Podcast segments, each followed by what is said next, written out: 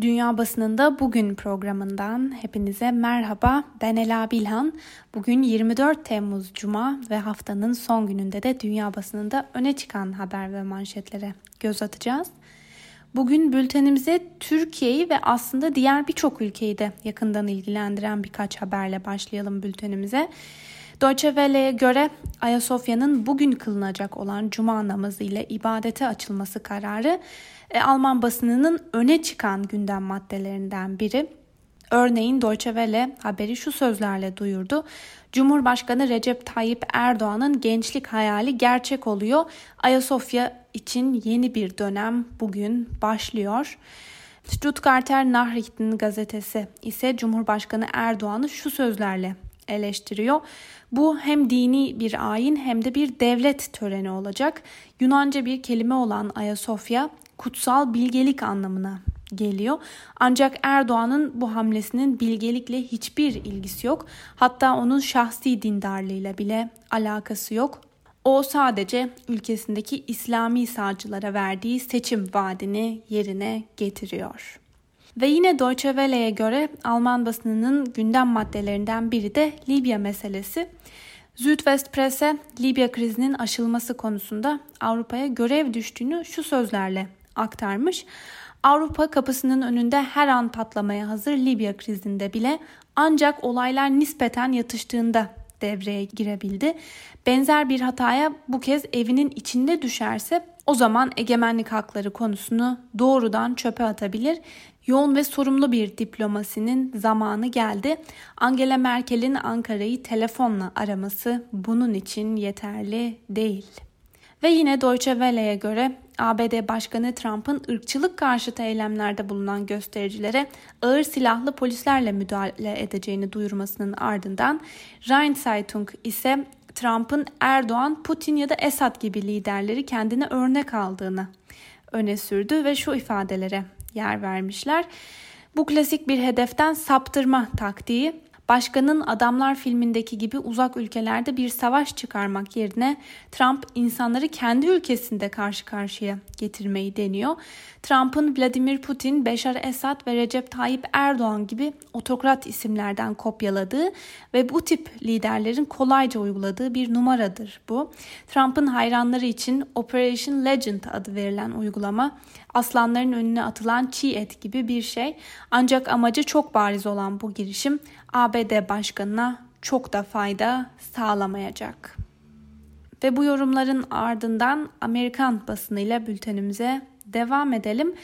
New York Times gazetesi bugün bir kez daha 25 Temmuz'da sona erecek olan fakat uzatılıp uzatılmayacağına ilişkin görüşmelerinde devam ettiği yardım paketini gündemine taşımış. Salgın döneminde işini kaybedenlere ve mali zorluk yaşayan Amerikalılara haftalık 600 dolarlık yardım sağlayan destek paketinin uzatılmaması halinde milyonlarca Amerikalının evini kaybedeceği belirtilirken kongrenin de bu insanlara yardım etmesi gerektiği vurgulanmış. Trump seçim kampanyalarını aksamalarla da olsa devam ettirdiği şu dönemde aniden programının Florida ayağını iptal etti ve salgını işaret ederek bunun için iyi bir dönem olmadığını ifade etti. Aslında daha büyük bir kampanya hazırlayabilmek için etkinliğini Kuzey Carolina'dan Florida'ya çekmişti. Ancak gazeteye göre Trump'ın bu hamlesiyle kampanyasını kilit öneme sahip bir noktada zor durumda bıraktı. Öte yandan vakalar sadece ABD'de değil dünyanın birçok yerinde yeniden yükselişe geçti. Hatta kontrol altına alındığı düşünülen ülkelerde bile aynı zamanda virüsle mücadelede örnek gösterilen Hong Kong ve Tokyo bile bugünlerde artan vaka sayılarıyla karşı karşıyalar. New York Times gazetesinin ardından Voice of America ile devam edelim. ABD'lilerin %75'i maske takılmasını destekliyor başlıklı habere göre. Associated Press'in National Opinion Research Center ile birlikte yaptırdığı anketin sonucu koronavirüsü vakalarının Amerika'da son haftalarda hızla artmasının yarattığı kaygıları da yansıtıyor. Anket ayrıca Amerikan kamuoyunun üçte ikisinin de Trump'ın korona salgınının yol açtığı krizi yönetme biçimini onaylamadığını ortaya koydu. Federal hükümetin salgını idare biçimi yetersiz bulunurken Amerikalıların çoğu ekonomik faaliyetleri sekteye uğratacak olsa bile virüsün yayılmasını önlemek için kısıtlamaların devam ettirilmesinden yana bir tavır koyuyor. Latin Amerika'da çifte pandemi başlıklı bir diğer habere göre e, koronavirüsü salgınından kaynaklı can kayıplarının 174 bine ulaştığı Latin Amerika'da pandemi etkisini arttırarak devam ediyor. Dünyada en fazla vaka görülen 8 ülkeden 4'ü Latin Amerika'da bulunuyor. Bu ülkeler Brezilya, Meksika, Peru ve Şili. Uzmanlar vaka sayılarındaki artışların en önemli nedenleri arasında salgınla mücadelede kayda değer bir ilerleme sağlanmamasına rağmen mali yetersizliklerden dolayı sosyal tedbirlerinde gevşetilmesinin bulunduğunu belirtiyor. Washington Post, Trump şehirlere ek federal güvenlik güçleri yollayacak başlıklı bir haberi ilk sayfasına taşımış. Kamuoyu yoklamalarında oy kaybettiği görülen ABD Başkanı Donald Trump, protestolara müdahale etmeleri için çeşitli kentlere ek federal güvenlik güçleri konuşlandıracağını açıkladı. Ancak gazeteden Marlin Mosby ve Larry Krasner bugünkü köşe yazılarında Trump'ın bu hamlesine karşı şöyle yazdılar. Sayın Başkan bizim şehirlerimizden uzak durun.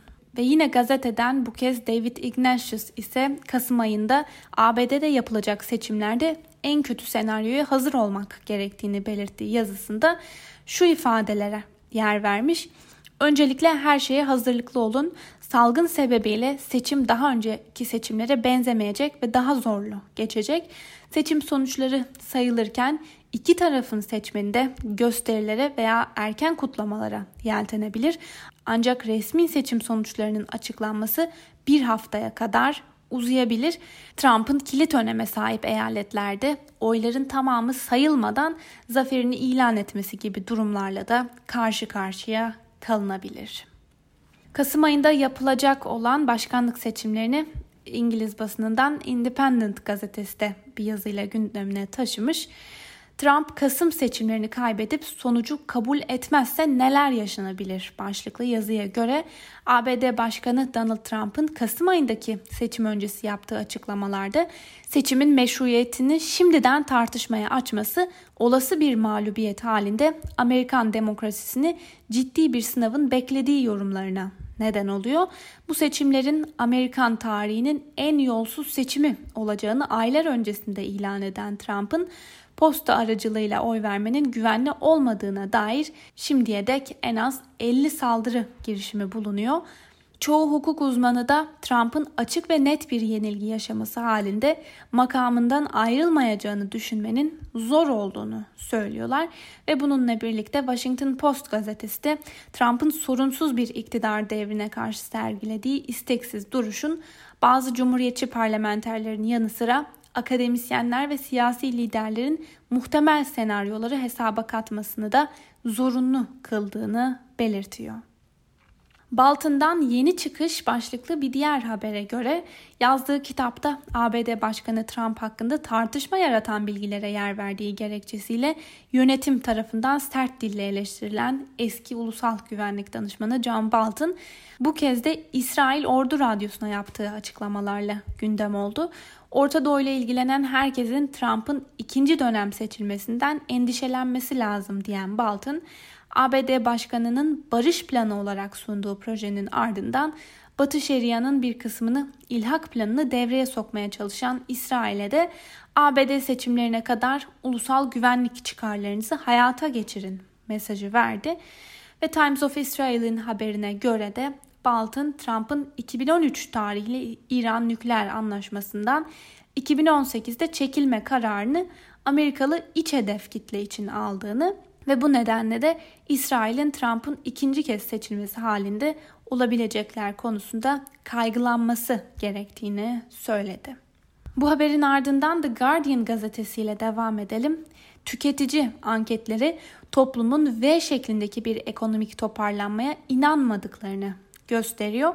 İngiltere Merkez Bankası da artan işten çıkarmalarla beraber toplumun büyük bir bölümünde oluşan endişe insanların alışveriş harcamalarını da çok kısıtlı yapmalarına ve tüketim alışkanlıklarını da büyük ölçüde sınırlandırmalarına neden olduğunu söylüyor. İngiltere'de bugünden itibaren kapalı alanların çoğunda maske takmak zorunlu hale geliyor.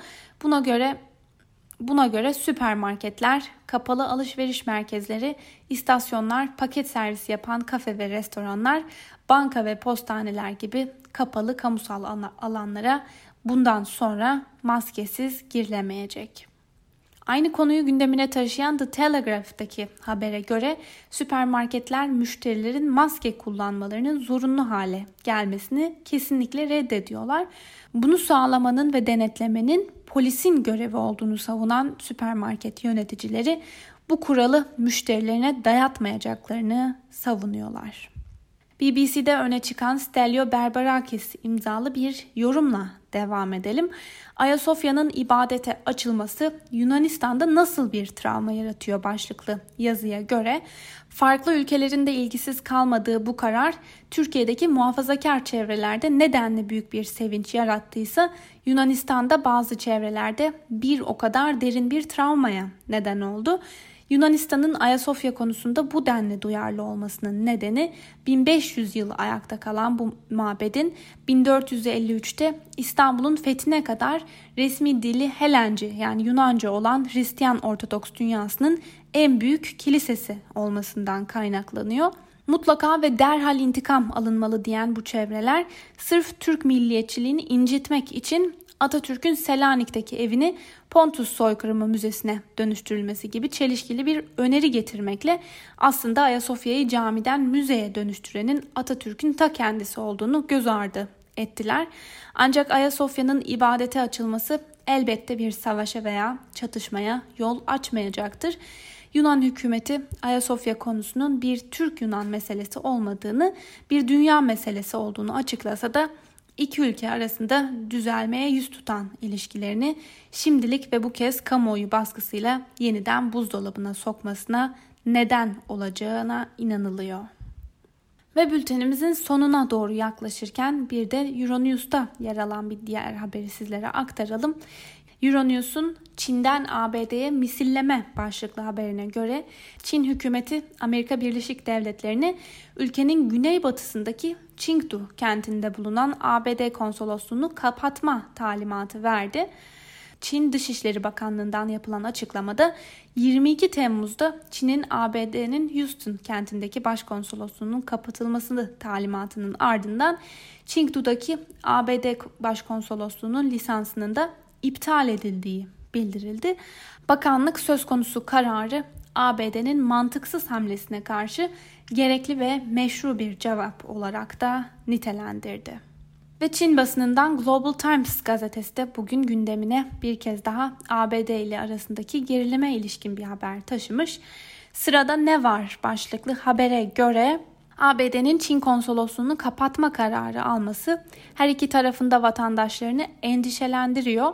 Houston'daki Çin vatandaşları da, Çin'deki Amerikan vatandaşları da Trump yönetiminin çarşamba günü aldığı bu ani kararla ilgili endişelerini dile getiriyorlar. Her iki grupta Trump yönetiminin bir sonraki yaptırımlarından sonra doğrudan hedef olmaktan veya süreçten olumsuz etkilenmekten korkuyorlar. Ve Rus basınından Moscow Times'ın haberine göre ABD Rusya'yı uzaya silah benzeri bir cisim fırlatmakla suçluyor. ABD'nin bu suçlamalarına İngiltere'de katılıyor ve İngiltere Uzay Ajansı'ndan yapılan yazılı açıklamada da Rusya'nın uydularının birinden silah özellikleri taşıyan bir cisim fırlatma denemesi yapması nedeniyle endişeliyiz dediği açıklaması da paylaşılmış. Ve son olarak Al Arabya'da öne çıkan haberlerden birine göre de Suudi Arabistan Birleşik Arap Emirlikleri Bahreyn ve Kuveyt ile olan sınırlarını açma kararı aldı. Böylece bu ülkelerin vatandaşları yeniden Suudi Arabistan'a seyahat edebilecekler. Öte yandan Suudi Arabistan'da son 24 saatte 2238 yeni vaka tespit edilmesiyle beraber yetkililer kalabalık ortamlara ve toplanmalara karşı da uyarmaya devam ediyorlar.